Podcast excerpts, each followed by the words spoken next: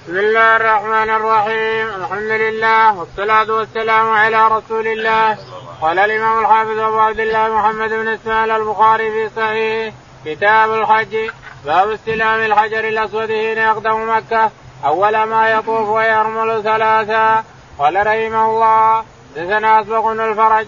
قال أخبرني ابن وهب عن يونس بن شهاب عن سالم بن نبي رضي الله عنه أنه قال رأيت رسول الله صلى الله عليه وسلم حين يقدم مكة إذا استلم الركن الأسود أول ما يطوف يخب ثلاثة أطواف من السبع. بسم الله الرحمن الرحيم. الحمد لله رب العالمين.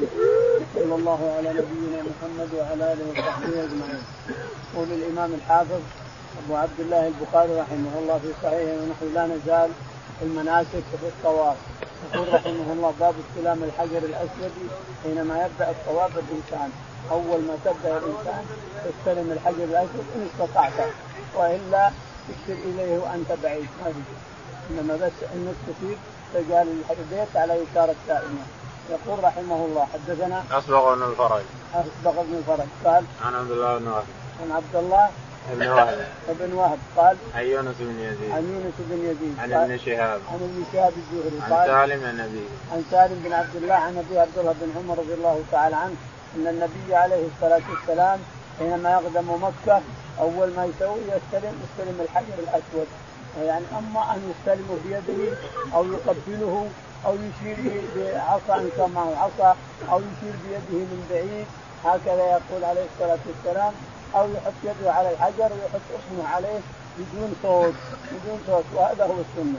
إذا استطعت الإنسان أن تستلم وتقبل أفضل. المهم أنه يبدأ بالحجر الأسود ثم يقبله عليه الصلاة والسلام ثم يرمل ثلاثا. إذا قبل الحجر رمل ثلاثة اشواط كان هذا في الفتح وكان في حجة الوداع. في الفتح أبقى على الناس بين الركنين الركن اليماني والحجر الأسود وفي حجة الوداع كمل الرمض إلى الحجر الأسود من الحجر الأسود إلى الحجر الأسود. نعم. باب الرمل في الحج والعمرة. قال رحمه الله ثاني محمد قال حدثنا سريج بن نان قال حدثنا فليح النافع عن ابن عمر رضي الله عنهما قال كان النبي صلى الله عليه وسلم ثلاثة أشواط ومشى أربعة في الحج والعمرة تابعه الليث قال حدثني كثير بن فرقد النافع عن ابن عمر رضي الله عنهما عن النبي صلى الله عليه وسلم. يقول البخاري رحمه الله باب الرمل في الحج والعمرة. الرمل في الحج والعمرة يعني لا تظن أن الرمل في الحج بس في الحج والعمرة لأول طواف تأتي الإنسان. أول ما تقدم مكة أول طواف تبدأ به فيها الرمل. فيها ترمل ثلاثا وتمشي اربعا. هذا إلى يوم القيامة مشى إلى يوم القيامة. يقول رحمه الله حدثنا محمد بن سلام. محمد بن سلام. قال حدثنا سريج بن النعمان. سريج بن النعمان. قال قال حدثنا فليح فليح قال عن نافع عن ابن عمر. النافع عن ابن عمر أن النبي عليه الصلاة والسلام كان نعم. سعى النبي صلى الله عليه وسلم ثلاثة أشواط ومشى أربعة في الحج والعمرة. سعى يعني رمل ثلاثة أشواط ومشى أربعا. هذا في في في, في, في البيت. ثم عاد رمل كما سيأتي في الصفا بين الصفا والمروة كما سيأتي. في الحج والعمرة. في الحج يعني أنه رمل في الحج ورمل في العمرة. لأن العمرة مثل الحج. العمرة مثل الحج. لأن النبي عليه الصلاة والسلام لما جاءه المحرم عليه جبة وفيها زعفران قال انزع هذه الجبة عنك واغسل ما فيها من زعفران واعمل في حجتك في عمرتك ما تعمل في حجتك. الذي تعمله في حجتك اعمله في عمرتك. معنى هذا أن الوداع واجب لهذا الحديث. بعض الناس يقول لا لا وداع للعمرة. ما لا أدري منين أتوا بهذا. والنبي عليه الصلاة والسلام يقول اصنع بعمرتك ما تصنع بحجتك اللي تصنع بحجتك تصنعه بعمرتك الركن تطوف البيت تسعى بين الصفا والمروة تطوف اعتوادا إذا أردت أن تمشي بعد ما تقصر كل ما تفعله بالحجة تفعله بالعمرة حتى الرمل. إذا طفت للرمل للعمرة ترمل ثلاثا وتمشي اربعا إلى آخره، كل شيء تفعله في الحج تفعله في العمرة، حتى الوداع لازم من من عمله، فلا أدري إخواننا من أتونا برأي من عندهم لا دليل عليه، فالله أعلم. الذي يلقى ربنا عند لسان كل قائل وقلبه، عند لسانه وقلبه، وهو المطلع على نيته وكسبه، ربنا هو المطلع على عباده.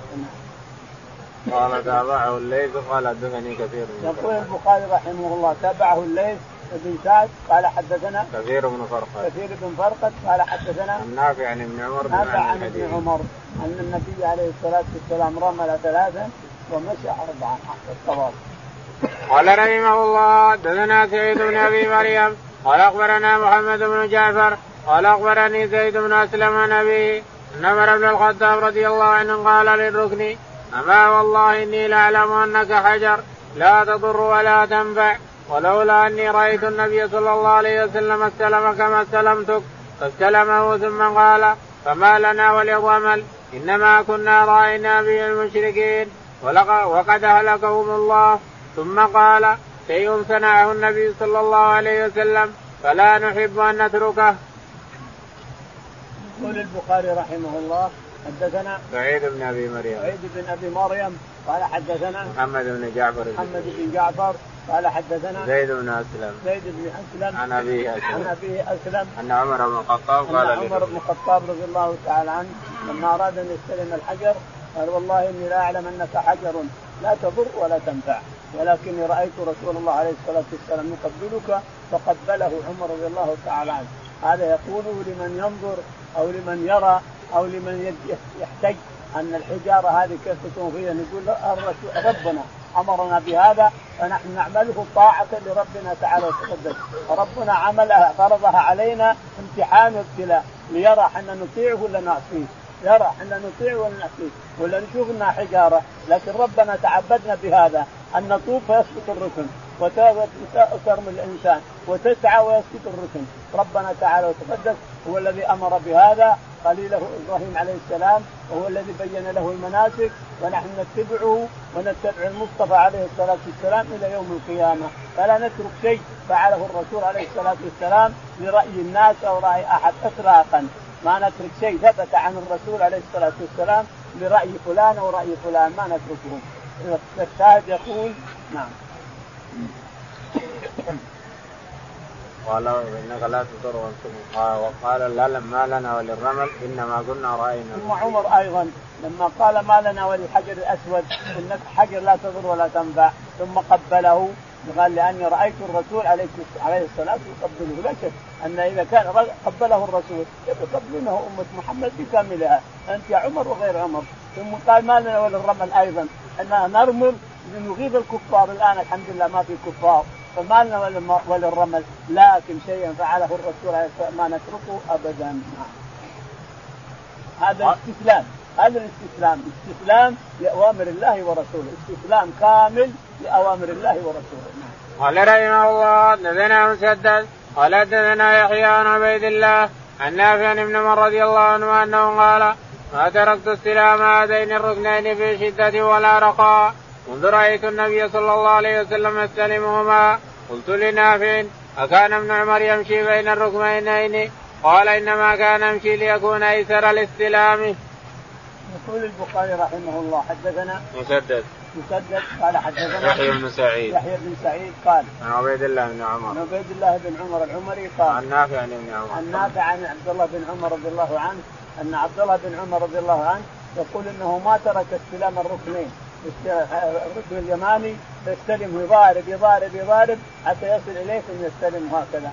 وأما الحجر الأسود فهو أيضا يضارب يضارب حتى يصل إليه ثم يستلم يحط عليه ويحط شفتيه عليه. هذا تقبيل تقبيل واستلام وهذا بس مسح يمسح مسح هذا استلامه مسح يمسح مسح وكان يضارب على الاثنين كلهم على رضي الله عنه ابن عمر يضارب على الاثنين فيمسح الركن اليماني مسح هكذا. وأما الحجر الأسود هو يضع يده عليه ويقبله بدون صوت. شفتين تضع عليه بدون صوت. هكذا يفعل عبد الله بن عمر يقول ما تركهما لا بشدة ورخاء بل يزاحم يضارب لما يصل اليهما نعم. قلت قال عبيد الله بن عمر قلت لنافع اكان ابن عمر يمشي بين الركنين قال إنما كان يمشي ليكون أيسر الاستلام. يقول ابن عمر كان يمشي بين الركنين قال يمشي يعني ما يرمل بين الركنين لأجل أيسر لاستلام الحجر الاسود لأنه يعني يمشي يلصق يلصق بالبيت يلصق بالبيت يلصق بالبيت يمشي تحت البيت تحت البيت لما يصل الحجر الأسود. فهذا إذا استلم الركن اليماني مشي مشي مشي مشي لاصقا بالبيت حتى يصل الحجر الأسود لأنه أيسر له. ثم بعد ذلك يستلم لأن من من شروط صحة الطواف أن لا تجعل البيت عن ان, أن يكون البيت دائما عن يسارك الإنسان. فلو التفت أو رحت يمين أو رحت يسار بطل الشوط الانشطوف هذا. الشاهد أن ابن عمر إذا استلم الحجر الركن اليماني مشى منسك لاصقا بالبيت حتى يصل الحجر ثم يستلمه ويقبل نعم. باب استلام الركن بالمحجن. قال رحمه الله دثنا أحمد بن صالح ويحيى بن سليمان. قال دثنا ابن وهب. قال أخبرني يونس بن شهاب عن عبيد الله بن عبد الله بن عباس رضي الله عنهما قال طاف النبي صلى الله عليه وسلم في حجة الوداع على بعير يستلم الركن بمحجن تابعه الدراوردي عن ابن أخي الزهري عن امه. يقول البخاري رحمه الله باب استلام الحجر الأسود بالمحجن، المحجن عصا له شعبة كذا له شعبة هكذا وهو أحسن من العصا، أنفع للإنسان من العصا، المحجن هذا في منافع كثيرة، عصا موسى محجن، عصا موسى محجن ولهذا لما رماها صار محجنها شعبتين. يعني تفتح مثل الحجن. فالشاهد أن المحجن له منافع أكثر من العصا. محجن هكذا. إذا طاف به الرسول عليه الصلاة والسلام واستلم الركن الحجر الأسود به مسه هكذا حطه على الحجر الأسود وهو يمشي عليه الصلاة والسلام. وكان في ازدحام؟ لكن استلمه بالعصا. معنى هذا أنك استطعت تستلمه بيدك أو تقبله أو تستلمه أو تمسه بمحجن أو تشير إليه من بعيد. أنت حر الإنسان حسب الظروف اللي تشوفها الإنسان. أما الزحام مضاربة الناس فهذا ما هو طيب. نعم. قال حدثنا أحمد بن صالح. يقول البخاري حدثنا أحمد بن صالح. ويحيى بن سليمان. ويحيى بن سليمان. قال حدثنا عبد الله بن وهب. عبد الله بن وهب. قال حدثنا يونس بن يزيد. يونس بن يزيد. قال حدثنا ابن شهاب قال عن عبيد الله بن عبد الله بن عبد الله بن عبد الله بن عتبة بن مسعود عن ابن عباس. عن ابن عباس رضي الله تعالى عنهما أن النبي عليه الصلاة والسلام استلم الحجر الأسود بمحجن. نعم. على بعير يستلم الركن على بعير يطوف على الناقة ويستلم الحجر الأسود بمحجن. لكن هل يقدر يستلم الحجر؟ لأنه يتدلى عليه الصلاة والسلام من الناقة يتدلى قليل حتى يصل إلى الحجر الاسود ثم يستلمه بالمحجن نعم. قال تابعه الدراوردي عن ابن أخي الزهري. تابعه الدراوردي عبد العزيز الدراوردي عن ابن أخي الزهري. عن ابن أخي الزهري محمد بن عبد الله نعم. عن الزهري. عن الزهري نعم. باب من لم يستلم إلا الركن اليمانيين إلا إلا الركنين اليمانيين. وقال محمد بن بكر أخبرنا من جريج قال أخبرني عمرو بن دينار نبي الشعث أنه قال ومن يتقي شيئا من البيت وكان معاوية يستلم الأركان فقال له ابن عباس رضي الله عنهما إنه لا يستلم هذان الركنان فقال إنه لا يستلم إلا هذان الركنان فقال ليس شيء من البيت مهجورا وكان ابن الزبير رضي الله عنهما يستلمهن كلهن. قال رحمه الله دثنا أبو الوليد قال دثنا الليث عن ابن شهاب عن سالم بن عبد الله عن أبي رضي الله عنه قال لم أرى النبي صلى الله عليه وسلم يستلم من البيت إلا الركنين اليمانيين. يقول البخاري رحمه الله باب من لم يستلم؟ باب من لم يستلم إلا الركنين إلا الركنين اليمانيين. الركن اليماني والركن الشرقي هذا يسمى اليمان أيضا لأن الجهة هذه تسمى اليمن. الشاهد أنه ما يستلم عليه الصلاة والسلام إلا الركن اليماني والحجر الأسود. هذا اللي استلم وغيره ما استلم. ليش؟ لأن هذا ما هو على قواعد إبراهيم. الركن هذا والركن هذا ليس على قواعد إبراهيم. واللي يجتهد من الصحابة ما نتبعه إحنا. اجتهاد منه ما نتبعه. نتبع المصطفى عليه الصلاة والسلام وسائر الصحابة من المهاجرين والأنصار. فلم يفعلوا ما فعل ابن الزبير ولا ما فعل معاوية. وتأول معاوية وتأول ابن الزبير فنحن نتبع الرسول عليه الصلاة والسلام. ما استلم إلا الركن اليماني والحجر الأسود بس والباقي ما كان على قواعد إبراهيم حتى يستلم. الشاهد يقول البخاري رحمه الله حدثنا محمد بن بكر. محمد بن بكر. قال حدثنا ابن جريج. ابن جريج قال عن عمرو بن دينار. عن عمرو بن دينار قال عن أبي الشعثاء. عن أبي الشعثاء. أنه قال ومن يتقي شيئا من البيت. أنه قال ومن يتقي ومن يتقي شيئا من البيت. يعني ما نترك شيئا من البيت. إذا تركه الرسول تركناه. أنت ما أنت مامور ما أنت مأمور من الله أنت ما أنت رسول. نحن مأمورين نتبع رسول عليه الصلاة والسلام. فما فعله الرسول فعلناه. أما أنت برأيك تستلم الأركان كلها غلط هذا. قال ثم قال نعم. وكان معاوية رضي الله عنه يستلم الأركان. وكان معاوية رضي الله عنه يستلم الأركان كلها. يستلم الركن اليماني والحجر الأسود ثم الركن العراقي ثم الركن الشامي ويقول ليس من البيت شيء مهجور قال له ابن عباس رضي الله تعالى عنه لقد كان لكم في رسول الله أسوة حسنة. قال والله لقد صدقت والله لقد صدقت. نعم والله لقد صدقت. لقد كان لكم في رسول الله أسوة حسنة. ما استلم إلا الركن هذا والركن بس ولا استلم اثنين هذول وانت تجي تستلمهم من تلقاء نفسك قال والله لقد صدقت. لقد كان لكم في رسول الله أسوة حسنة. والله لقد صدقت. نعم. وكان ابن الزبير رضي الله عنه يستلم وكان ابن الزبير يعني اجتهاد منه يستلم الأركان الأربعة. فإن كان ليس ليس اثنين على قواعد إبراهيم قال حدثنا أبو الوليد. يقول حدثنا أبو الوليد. قال حدثنا الليث بن سعد. الليث بن سعد. قال حدثنا ابن شهاب. ابن شهاب قال عن سالم بن عبد الله عن أبيه. عن سالم بن عبد الله عن أبي عبد الله بن عمر رضي الله عنه. نعم قال قال لم أرى النبي صلى الله عليه وسلم لا يستلم من البيت إلا الركنين اليمانيين. يقول عبد الله بن عمر رضي الله تعالى عنه وغيره من الصحابة لم أرى النبي عليه الصلاة والسلام استلم من البيت إلا الركنين اليمانيين الركن اليماني والركن والحجر الأسود. بس وما عداه ما استلم شيء ولا يجوز لأحد أن يستلم شيء اجتهادا من عنده. ما يمكن هذا. لأن الرسول عليه الصلاة والسلام اقتصر على قواعد إبراهيم. استلم الركن اليماني واستلم الحجر الأسود. بس وأما هذه الأركان ليست على قواعد إبراهيم فلا تستلم. باب تكميل الحجر. قال رحمه الله دثنا أحمد بن سنان. قال دثنا زيد بن هارون. قال أخبرنا ورقا قال أخبرنا زيد بن أسلم نبي أنه قال رأيت عمر بن الخطاب رضي الله عنه قبل الحجر فقال لولا أني رأيت رسول الله صلى الله عليه وسلم قبل كما قبلتك. يقول البخاري رحمه الله باب تقبيل الحجر الأسود. يقول البخاري حدثنا أحمد بن سنان. أحمد بن سنان. قال حدثنا يزيد بن هارون. يزيد بن هارون. قال قال حدثنا ورقاء. حدثنا ورقاء. قال قال عن زيد بن أسلم عن زيد بن أسلم عن أبيه أسلم مولى عمر بن الخطاب عن عمر رضي الله تعالى عنه أن عمر أتى ولما بدأ بالطواف قبل الحجر الأسود. يعني وضع شفتيه عليه بدون صوت. تضع شفتيك الإنسان على الحجر الأسود بدون صوت. ما ما تخرج صوت. تضعها وثم ترفعها. يقول قبل الحجر الأسود وقال إني أعلم أنك حجر لا تضر ولا تنفع ولكن رأيت الرسول عليه الصلاة والسلام يقبلك فأنا أقبلك اتباعا للرسول قال رحمه الله دثنا مسدد قال دثنا حماد بن الزبير بن عربي قال انه قال سأل رجل ابن عمر رضي الله عنهما عن استلام الحجر فقال رأيت رسول الله صلى الله عليه وسلم يستلمه ويقبله. قال قلت أرأيت إن زحمت؟ أرأيت إن غلبت؟ قال جعل رأيت باليمن. رأيت رسول الله صلى الله عليه وسلم يستلمه ويقبله.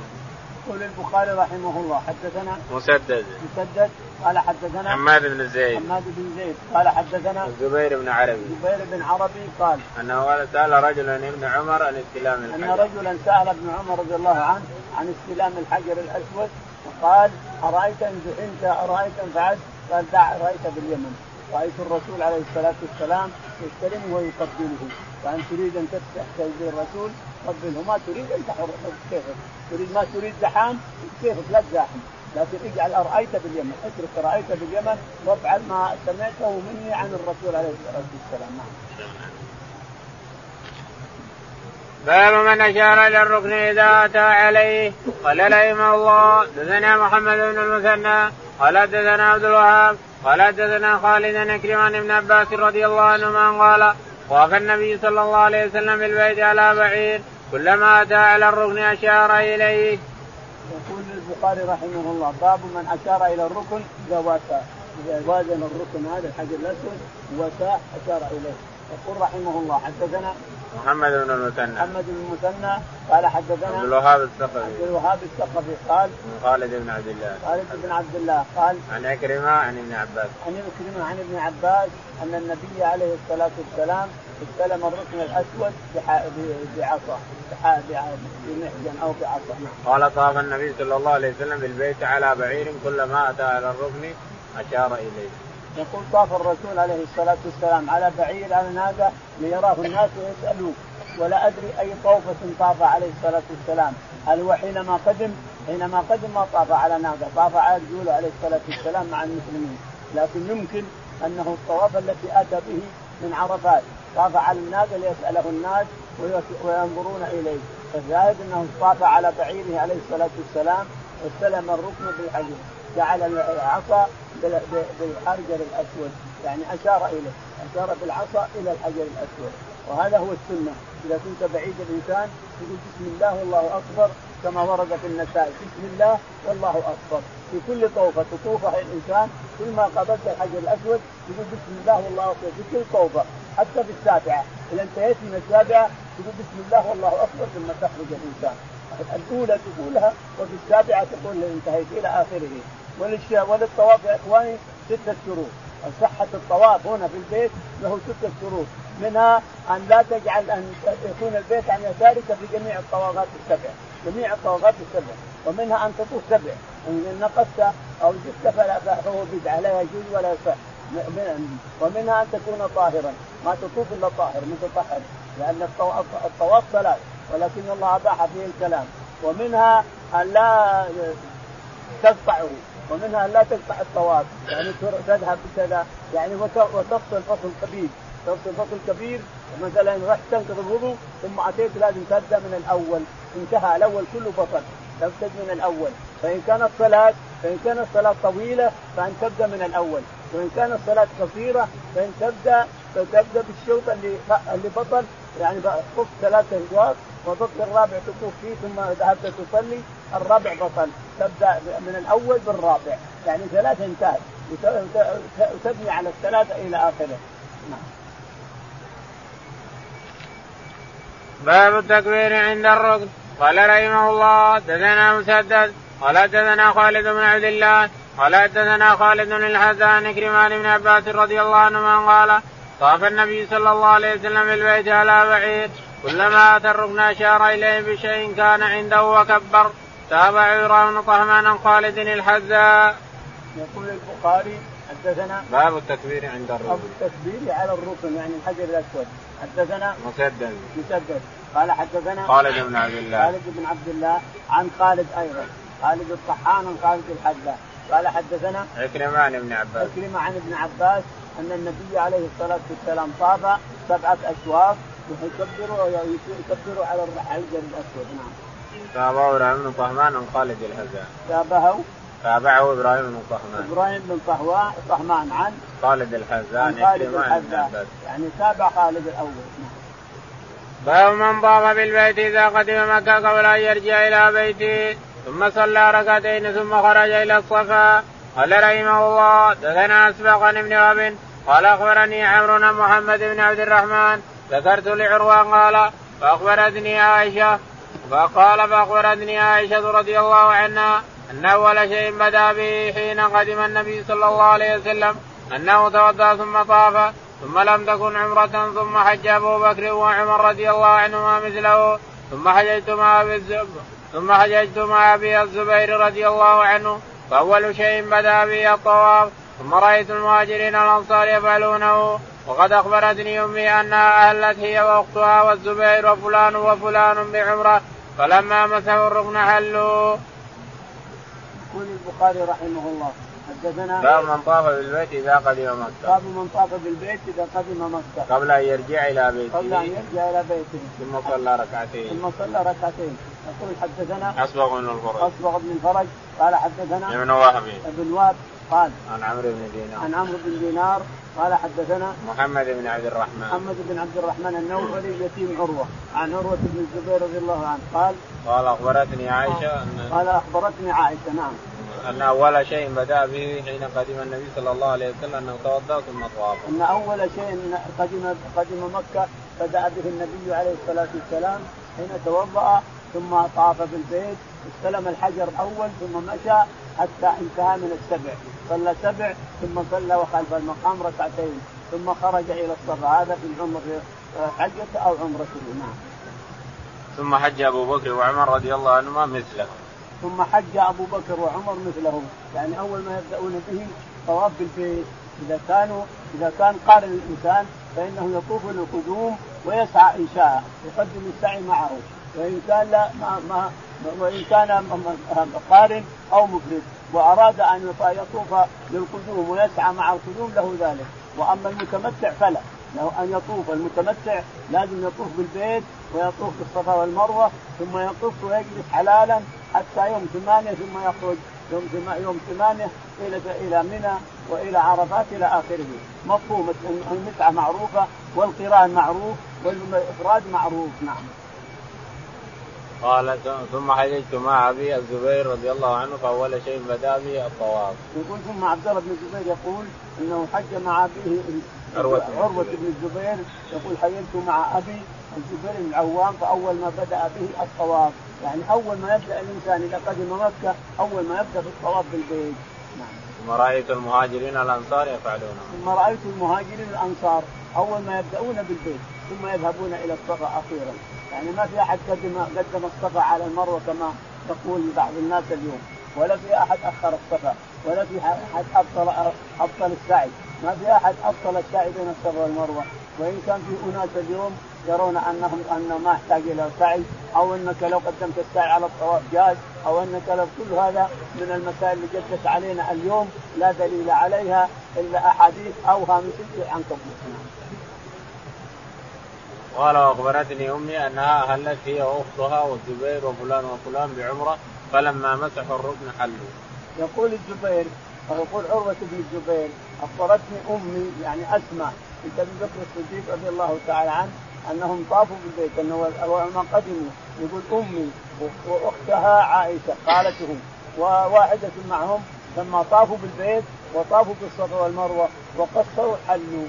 أما يطاف بالبيت ويحل فلا إنما طافوا بالبيت ثم طافوا بين الصفا والمروة ثم قصروا وحلوا.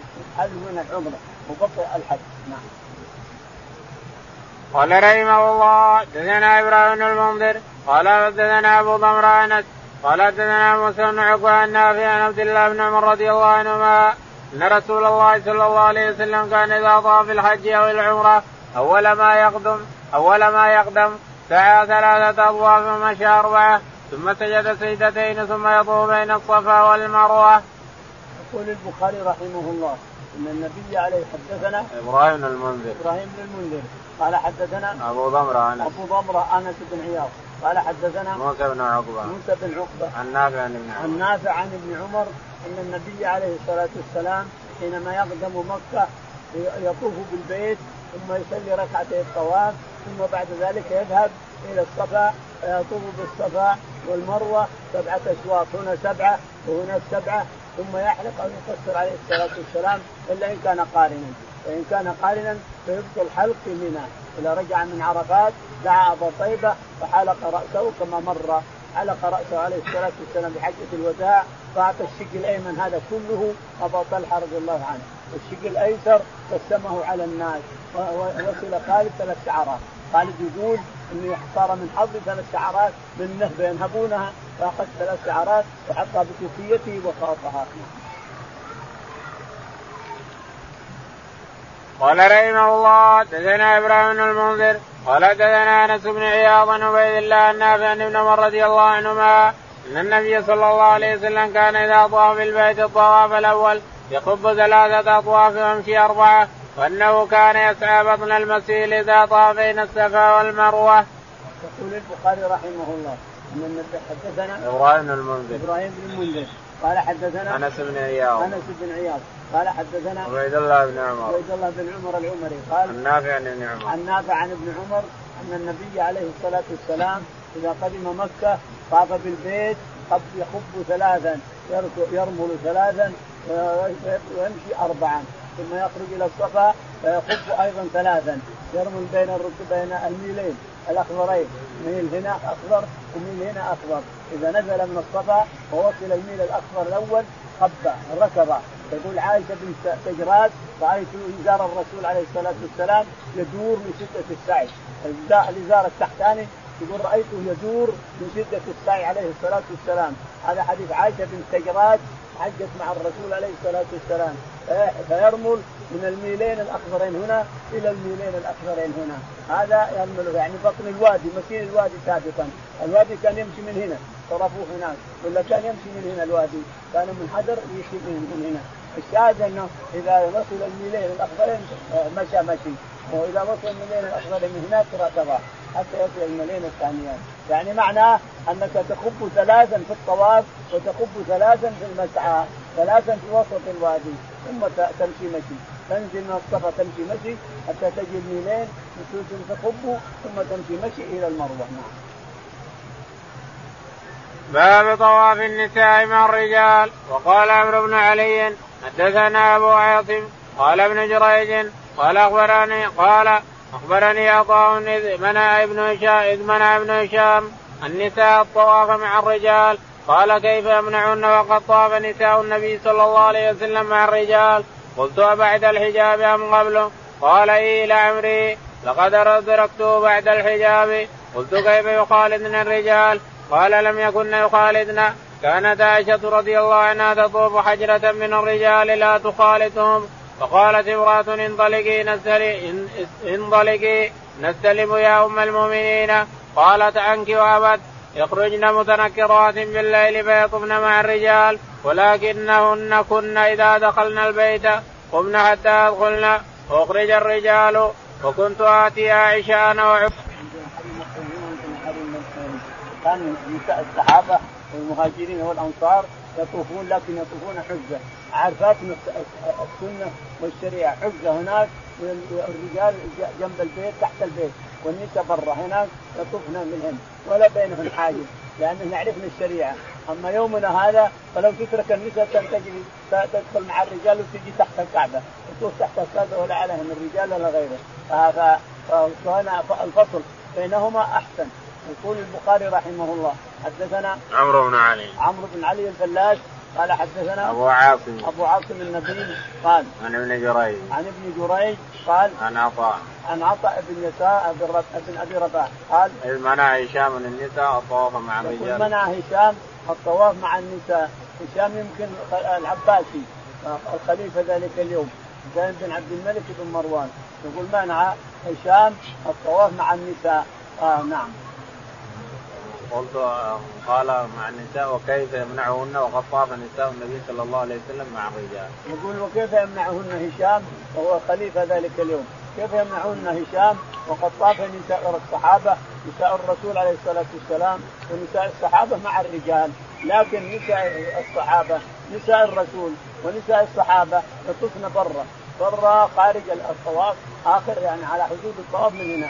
والرجال تحت الكعبة يطوفون تحت الكعبة. فكانه في حاجز بين النساء والرجال لانها النساء تبعد عن الطواف شوي والرجال تحت الكعبة يطوفون. يصير كانه فاصل بينهن قلت بعد الحجاب عن قبل قال إي لعمري لقد ادركته بعد الحجاب ولا قال إي لعمري ما, ما, ما, ما اتيته هنا إلا بعد الحجاب بعد ما احتجب بعد ما مات الرسول بعد. نعم قلت كيف يخالفنا الرجال؟ قال من لم يكن يخالفنا كانت عائشة رضي الله عنها تطوف حجرة من الرجال. يقول قلت كيف يخالفنا الرجال؟ قال ما كان ما كنا يخالفنا الرجال كنا يعرفنا مكانهن. فتبعد النساء تبعد على حدود طرف طرف المطاف. طرف الطواف والرجال تحت الكعبة يطوفون. فلا حاجة فلا حاجة إلى فاصل بينهما.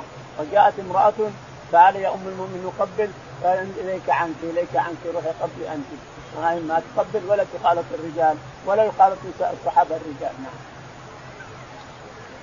قال وأبد قالت عنك وابت يخرجن متنكرات بالليل فيطفن مع الرجال ولكن يخرجن متنكرات بالليل يعني لابسات ما تراشف وإلا عباية ولا شيء المهم إنها متنكرات حتى تطوف بالبيت مع الرجال لكنها تطوف من طرف الطواف هنا والرجال تحت الكعبه. ولكنهن كن إذا دخلنا البيت قمنا حتى يدخلن وأخرج. يقول إذا دخلنا البيت وفي البيت يعني أخرج الرجال من البيت الكعبة إذا أردنا أن يدخلن الكعبة أخرج الرجال ودخل النساء. وكنت آتي عائشة أنا وعبيد بن عمير وهي مجاورته. وكنت آتي عائشة أنا وعبيد بن عمير وهي رجعت من منى مضروب لها قبة حمراء عند تحت سبيل، سبيل هذا اللي على على رأسه كأنه زروق حمامه وزروق زروق رخم أبيض. يسمى سبيل هذا، كل جبال الذي من جبل النور حتى تصل إلى آخر منها من جهة عرفات كله يسمى سبيل هذا، يقول قريش أشرك سبيل كيما نهيل. إذا طلعت الشمس على رؤوس الجبال اللي خلفك وأنت في منى أفاضوا. ولهذا الرسول عليه الصلاة والسلام خالفهم. لما أسفر جدا انصرف. قبل تطلع الشمس. مخالفة للمشركين لأنهم ما ينصرفون حتى يروا الشمس على رؤوس جبال سبيل. كل هذا يسمى سبيل. الجبل الكبير المقابل لجبل النور اللي على رأسه دروب أبيض. كانه جص أبيض على رأسه. هذا يسمى سبيل من هناك إلى آخر الجبل هذا كله يسمى سبيل الشاهد قريش ما تنصرف حتى تطلع الشمس على رؤوس الجبال الذي خلفها الذي بجانب منى أما الرسول فخالفهم انصرف قبل أن تطلع الشمس. نعم. قلت وما حجابها؟ قال في قبة تركية لها غشاء. وما حجابها عن الناس؟ قال تركيا قبة. خيمة تركية لها غشاء ولها باب من هنا. باب له سترة. وتكلم الناس من وراء سترة. قال رأيت عليها درعا يعني ثوب مورد يعني أبيض وفي شجر شجر ورد. نعم. قال رحمه الله دثنا إسماعيل قال دثنا مالك محمد بن عبد الرحمن النوفل عن عروة بن الزبير عن زينب بنت أبي سلمة عن أم سلمة رضي الله عنها زوج النبي صلى الله عليه وسلم قالت شكوت إلى رسول الله صلى الله عليه وسلم أني أشتكي فقال طوفي من وراء الناس وأنت راكبة فطفت رسول الله صلى الله عليه وسلم حينئذ يصلي إلى جنب البيت وهو يقرأ والطور وكتاب مسطور. يقول البخاري رحمه الله باب تابع للباب. تابع. حدثنا إسماعيل بن أبي أويس. إسماعيل بن أبي أويس. قال حدثنا مالك بن أنس. مالك بن أنس الإمام. قال حدثنا محمد بن عبد الرحمن نوفل. بن عبد الرحمن نوفل يتيم عروة. عن عروة بن الزبير رضي الله تعالى. عن زينب بنت أبي سلمة عن زينب بنت أبي سلمة. عن أمها أم سلمة رضي الله عنها. تقول إنها كانت شاكية حينما طاف الرسول عليه الصلاة والسلام. يريد أن يذهب. يخرج إلى المدينة. والنساء امرهن أن يوادعن فقالت أم سلمة إني أشتكي يا رسول الله ولا استطيع الوداع على رجلي فطوفي على بعيرك من وراء الناس والناس يصلون. فجاءتها رضي الله عنها ودخل البعير. ما كان هناك درج درجان ولا شيء. كانت سكك شارع. هنا شارع يلفظ على الحرم. يسمى شارع بني سهم. من هنا يجي يلفظ على الحرم. كان بني بني هاشم. يلفظ على الحرم. شارع باب السلام. يلفظ على الحرم. شارع العباس. شارع كذا. باب العباس باب كذا كلها شوارع ليس فيها بيبان ولا درجان كلها شوارع ضيقة تلفظ على الحرم. فدخلت بعيرها مع شارع بني هاشم حتى وصلت إلى الحجر الأسود. ثم بدأت من الحجر الأسود يقول رأيت الرسول عليه الصلاة والسلام يصلي بالناس وهي تدور. معنى هذا أن الناس كانوا يدورون على الكعبة خلف الرسول عليه الصلاة والسلام. هذا يدل على أنها تطوف من وراء الناس والناس يدورون على الكعبة من خلف الرسول عليه الصلاة والسلام والرسول عند الباب هنا. قعدوا عند الباب. هذا يدل على أن الناس كانت تدور على وقت الرسول عليه الصلاة والسلام ثم ألغي هذا الدوران حتى جاء خالد بن عبد الله القسري فأدار الناس. جبرهم جبر أن يستديروا. ولا كانوا هنا ناس وهنا ناس وهنا ناس والصفوف فأمر الناس أن يستديروا كما كان الرسول يديرهم. كما كانوا على عهد الرسول. فكانوا على عهد الرسول يدورون بالبيت والإمام واحد ويصلي بهم عليه الصلاة والسلام عند الباب قريبا من الباب. الشاهد تقول أم سلمة إني طفت على بعيري من وراء الناس والرسول عليه الصلاة والسلام يقرأ سورة الطور. نعم. باب الكلام في الطواف.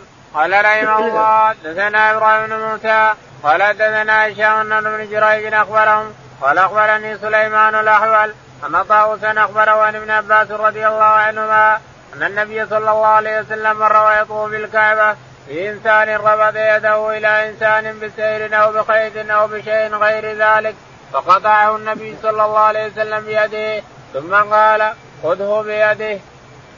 يقول البخاري رحمه الله باب قطع الخيط في المطاف باب الكلام في الطواف الكلام في الطواف والأمر بالمعروف والنهي المنكر في المطاف يجوز اذا رأيت منكر الإنسان إنسان يفعل منكر يجوز تأمره بالمعروف وتنهاه عن المنكر لأن الرسول أزال الخيط هذا لأنه رآه ما هو مناسب في المطاف. يقول البخاري حدثنا؟ إبراهيم بن موسى. إبراهيم بن منذر قال حدثنا؟ هشام. هشام. قال حدثنا ابن جريج. ابن جريج قال عن سليمان الأحول. عن سليمان الأحول. عن طاووس عن ابن عباس. عن طاووس عن ابن عباس أن النبي عليه الصلاة والسلام كان يطوف البيت فرأى رجلا يقود رجلا بحبل. خير قام قطع الحبل عليه الصلاة والسلام قال يمسكه بيده. يمسكه بيده وياه سوا هذا آدم ما هو بهيمة خيط وتجره امسكه بيده وامسكه بيده ويمشي هو. هو هنا وانت هنا تمشون سوا. أما تمسكه بخيط مو بهيمة. تمسك الخيط وتمسك الخيط وتجره ما يصير. فقطع عليه الصلاة والسلام. باب إذا رأى سيرا أو شيئا يكره بالطواف فقطعه قال رحمه الله حدثنا أبو عاصم عن ابن جريج عن سليمان الأحول طاووس عن ابن عباس رضي الله عنهما أن النبي صلى الله عليه وسلم رأى رجلا يطوف بالكعبة بزمام أو غيره فقطعه. يقول البخاري رحمه الله باب من رأى إذا رأى سيرا أو شيئا إذا رأى شيء سيرا أو شيئا مما يستنكر في المطاف فإنه يزيله اللي يستطيع يزيله حتى لو كان في المطاف يزيله الإنسان ولك أجر عظيم.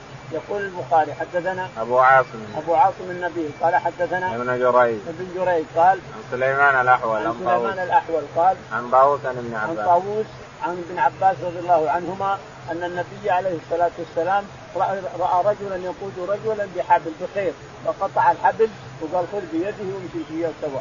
قال له على جنبك هنا امسكده وامشي فيه سوا. وقطع الحبل عليه الصلاة والسلام. فيها جواز إنكار المنكر بالمطاف إذا رأيت منكر الإنسان توجه توجه اخيك المسلم إذا كان يجهل توجه وتقول هذا ما يصلح يا أخي في المطاف. اقطع الحبل أو لا تفعل كذا أو سوي حرامك بكذا أو افعل كذا إلى آخره. حتى في الصلاة إذا رأيت إنسان من الإخوان كاشفا كتفيه توجهه الانسان يقول يا أخي استر كتفيك. أو استر واحد أنت حر. لكن الكتفين لا تخلي عريانه وانت تصلي. لا نافلة ولا فريضة. توجه إخوانك في المطاف في الحرم وفي المطاف لك أجر كبير. باب لا يطوف بالبيت عريان ولا يحج مشرك. قال رحمه الله حدثنا يحيى بن بكير قال حدثنا الليث قال يونس قال ابن شهاب حدثني حميد بن عبد الرحمن أن أبا هريرة رضي الله عنه أخبره أن أبا بكر الصديق رضي الله عنه بعثه في الحجة التي أمره عليه رسول الله صلى الله عليه وسلم قبل حجة الوداع يوم النحر في رهط يؤذن في الناس ألا لا يحج بعد العام مشرك. ولا يطوف بالبيت عريان. يقول البخاري رحمه الله باب لا يطوف بالبيت عريان ولا يحج بعد هذا العام مشرك يعني أن العريان أن قريش كانت لا تخلي أحد يطوف بالبيت إلا بثياب من قريش من قرشي. المرأة من قرشية والرجل قرشي. ولا ثيابك نكسة خلاص لازم تتعرى. حتى إن بعض النساء يقول يوم يبدو بعضه أو كله وما بدا منه فلا أحله. فرجها بادي يدها عليه تقول اليوم يبدو بعضه أو كله وما بدا منه فلا احله لا حصلت ثياب من قريش وثيابها يقولون نكشف فيها فيخلعون الثياب حتى النساء يطوفون عرايا. وكذلك المشركون يطوفون بالبيت ويجون في يحجون ويطوفون بالبيت. فأرسل الرسول عليه الصلاة والسلام أبو الصديق كما سيأتي. قال حدثنا يحيى بن بكير. يحيى بن بكير. قال حدثنا الليث بن سعد. الليث بن سعد. قال حدثنا يونس بن يزيد. يونس بن يزيد, يزيد. قال عن ابن شهاب. عن ابن شهاب. قال حدثنا حميد بن عبد الرحمن. حميد بن عبد الرحمن. عن أبي هريرة. حميد بن عبد الرحمن. عن أبي هريرة رضي الله تعالى عنه أنه أرسله أن النبي عليه الصلاة والسلام أمر أبا بكر الصديق في سنه تسع من الهجرة توطئة لحجة الوداع يعني سنة عشر. الرسول أوحي إليه أنه سيحج سنة عشر ولا يمكن يجتمع مع عراة ولا يمكن يجتمع مع مشركين. فأرسل ابا بكر أميرا على الحجاج سنة تسع. يقول أبو هريرة وكنت ممن أرسلني أبو بكر الصديق في منى. الا يطوف ببيت عريان بعد هذه السنة ولا يحج ببيت مشرك بعد هذه السنة. لا يحج يا عرب يا جماعة يا ناس تمشي على خيامهم ونصيح الصياح أنا وغيري نصيح الصياح. وأتى علي رضي الله تعالى عنه بسورة براءة قرأها على الناس أيضا. براءة من الله ورسوله. اللي بينه وبين الرسول عهد فإن عهده إذا كان مدته قصيرة إلى مدته. وإلا فكل عهد وميثاق انسلخ خلاص لغى. ما بين الرسول وبين المشركين لغى. كل اللي بينكم وبين الرسول لغى إلا لمده قليلة. أما عشر أيام أو خمسة عشر يوم فإلى مدته إلى آخره. وكانوا يسيحون في منى ونزلت براءة ونزلت آية السيف إلى آخره. قال في رغد أرسله الا يحج بعد العام مشرك ولا يطوف بالبيت. لا يحج بعد هذا العام مشرك ولا يطوف بالبيت عريان. توطئة لحجته عليه الصلاة والسلام سنة عشر. كان أبو بكر هو الأمير وعلي رديفا له. يصيحون في الناس في منى. أيها العرب لا يحج بعد العام مشرك ولا يطوف بالبيت عريان. توطئة لحجة الرسول سنة عشر. فانتهى الناس خلاص. باب إذا وقع في الطواف وقال أعطاهم في من يطوف تقام الصلاة أو يدفع عن مكانه إذا سلم يرجع إلى حيث قطع عليه ويذكر عن ابن عمر وعبد الرحمن بن أبي بكر رضي الله عنهم. يقول البخاري رحمه الله باب إذا انقطع في الطواف يعني أما قامت الصلاة وراح يصلي أو حصل له مغص وراح يتوضأ أو فعل شيء فهل ينقطع الطواف اللي طافه؟ يقول نعم إذا راح يتوضأ ورجع انقطع الطواف يبدأ من الحجر الأسود. وأما إذا انقطع الصلاة يصلي فإن طالت الصلاة نعم يبدأ من الأول. وإن قصرت فإنه يبطل الشوط اللي هو فيه ويبني على الأول إلى آخره. حدثنا؟ قال وقال عطاء في من يطوف فتقام الصلاة ويرفع عن مكانه إذا سلم يرجع إلى حيث يقول عطاء بن أبي رباح رضي الله تعالى عنه الإنسان كان يطوف وطاف ثلاثة وفي الرابع قامت الصلاة. ثم ذهب يصلي مع الناس ثم كان هنا. فإذا انتهى يأتي إلى مكانه اللي وقف فيه ويبدأ منه. لكن الصحيح أن الشوط بطل. هذا الصحيح. لأن الأشواط لازم من الحجر إلى الحجر. فإن انقطع شيء شوط منها بصلاة أو غيره فإنك تبدأ من الأول. الشوط هذا يبطل. الشوط الرابع يبطل وتبني على ثلاثة ثم تأتي بالتالي نعم. ويذكر نحو عن ابن عمر. ويذكر نحو عن ابن عمر أنك تبدأ من مكان ما انتهيت الإنسان في نفس الشوط، لكن عندنا إذا انقطع الشوط إذا انقطع الشوط بصلاة أو انقطع الشوط بوضوء أو انقطع الشوط بحاجات فإنه يبطل هذا الشوط اللي قطعته تبدأ بالشوط من الأول يعني أنت كنت ثلاثة امش على ما أنت عليه ثم أتي بثمانية. انت تقول سبعة ائتي بثامن عن الشوط اللي بطل بطل نعم وعن عبد الرحمن بن أبي بكر رضي الله عنه. روى عبد الرحمن بن أبي بكر الصديق رضي الله تعالى عنه. نحو نحو ابن عمر يعني. نحو ما قال ابن عمر عبد الرحمن وابن عمر وعطاء بن أبي رباح يقولون أن الشوط اللي يبطل هنا اللي ينقطع أنه ما يبطل لكن ولو قالوا لأن الشوط عندنا شروط الطواف أن تطوف سبعة أشواط كاملة حتى لو التفت الآن أنت الكعبة هنا على يسارك التفت حتى صارت الكعبة على جهتك أو في ظهرك بطل الشوط هذا أعده. أعد الشوط. باب صلى النبي صلى الله عليه وسلم لسبوع ركعتين. وقال نافي كان ابن عمر رضي الله عنهما يصلي لكل سبوع ركعتين. وقال إسماعيل بن عليا قلت للزهري إن عطاء يقول تجزئ المكتوبه من ركعتي الطواف. فقال السنة أفضل. لم يطف النبي صلى الله عليه وسلم سبوعا قط إلا صلى ركعتين. يقول البخاري رحمه الله باب الطواف ركعتين بعد الطواف. عند الشافعي واجبة. ركعتي الطواف واجبة. إذا طفت سبعة أشواط لازم تصلي ركعتين عند المقام. عند الشافعي رحمه الله واجبة. عند الأئمة الثلاثة سنة. إن صليت هنا إن صليت خارج البيت صليت في بيتك أو في طوة كما فعل عمر جائز هذا لأنها سنة. وقال نافع كان ابن عمر رضي الله عنهما يصلي لكل أسبوع ركعتين. قال يقول نافع عن ابن عمر رضي الله عنه أنه كان يصلي لكل سبع ركعتين، كل إنسان يطوف لازم يصلي ركعتين لكل سبع، لكن هل هي سنة أو واجبة؟ هذا الخلاف بين الناس، هل هي سنة الركعتين هذه أو واجبة؟ عند الشافعي واجبة لأن الرسول فعلها ولازم نفعلها نعم. وقال إسماعيل بن علي قلت للزهري إن عطاء يقول تجزئه المكتوبة من ركعتي الطواف. وقال إسماعيل قلت للزهري إن الزهري يقول تجزئ المكتوبة عن ركعتي الطواف قال لا لا, عطاء اللي يقول عطاء. قال, قال لا لابد من ركعتي الطواف كما فعلها الرسول عليه الصلاة والسلام. المذهب عندنا أنها تجزي إذا صليت فريضه بعد ما انتهيت من سبع وأقامت الصلاة وصليت الصلاة أنها تجزي إن شاء الله. لكن اللي يحافظ على السنة ما, ما في ما نرده ما نمنعه ما نمنعك ولا نعترض عليه. اللي يقول لا ابى أصلي ركعتين. حتى لو صليت الفريضة ابى أصلي ركعتين للصبح. حقي ما نمنعه لأن هذا فعل الرسول عليه الصلاة والسلام. لكن الفريضة أفضل من النافله نعم. قال رحمه الله حدثنا قتيبة قال حدثنا سفيان عن عمرو. سأل ابن عمر رضي الله عنهما فيقول الرجل على امرأته في العمرة قبل أن يطوف بين الصفا والمروة؟ قال قدم رسول الله صلى الله عليه وسلم فطاف في البيت سبعا. ثم صلى خلف المقام ركعتين وطاف بين الصفا والمروة فقال لقد كان لكم في رسول الله أسوة حسنة قال وسألت جابر رضي الله عنه جابر بن عبد الله رضي الله عنهما فقال لا يقرب امرأته حتى يطوف بين الصفا والمروة.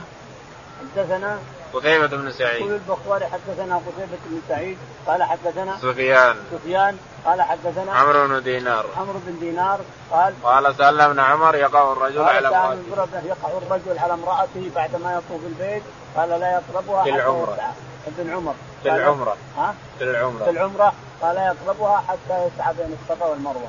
يعني إنه يطوف البيت يقول يقع على امرأته وهو ما سعى هذا تلاعب ما ما هو عمره. لابد يطوف البيت ويسعى بين الصفا والمروة ويقص أو يحلق ثم تحل امرأته. وجابر كمان. نعم. وجابر كمان. وجابر بن عمر وغيرهم. ما يمكن أن يقع على امراته حتى يسعى. نعم. الله أعلم. اللهم اهدنا فيمن هديت. وعافنا فيمن عافيت. وتولنا فيمن توليت. اللهم توفنا مسلمين. وألحقنا بالصالحين يا رب العالمين.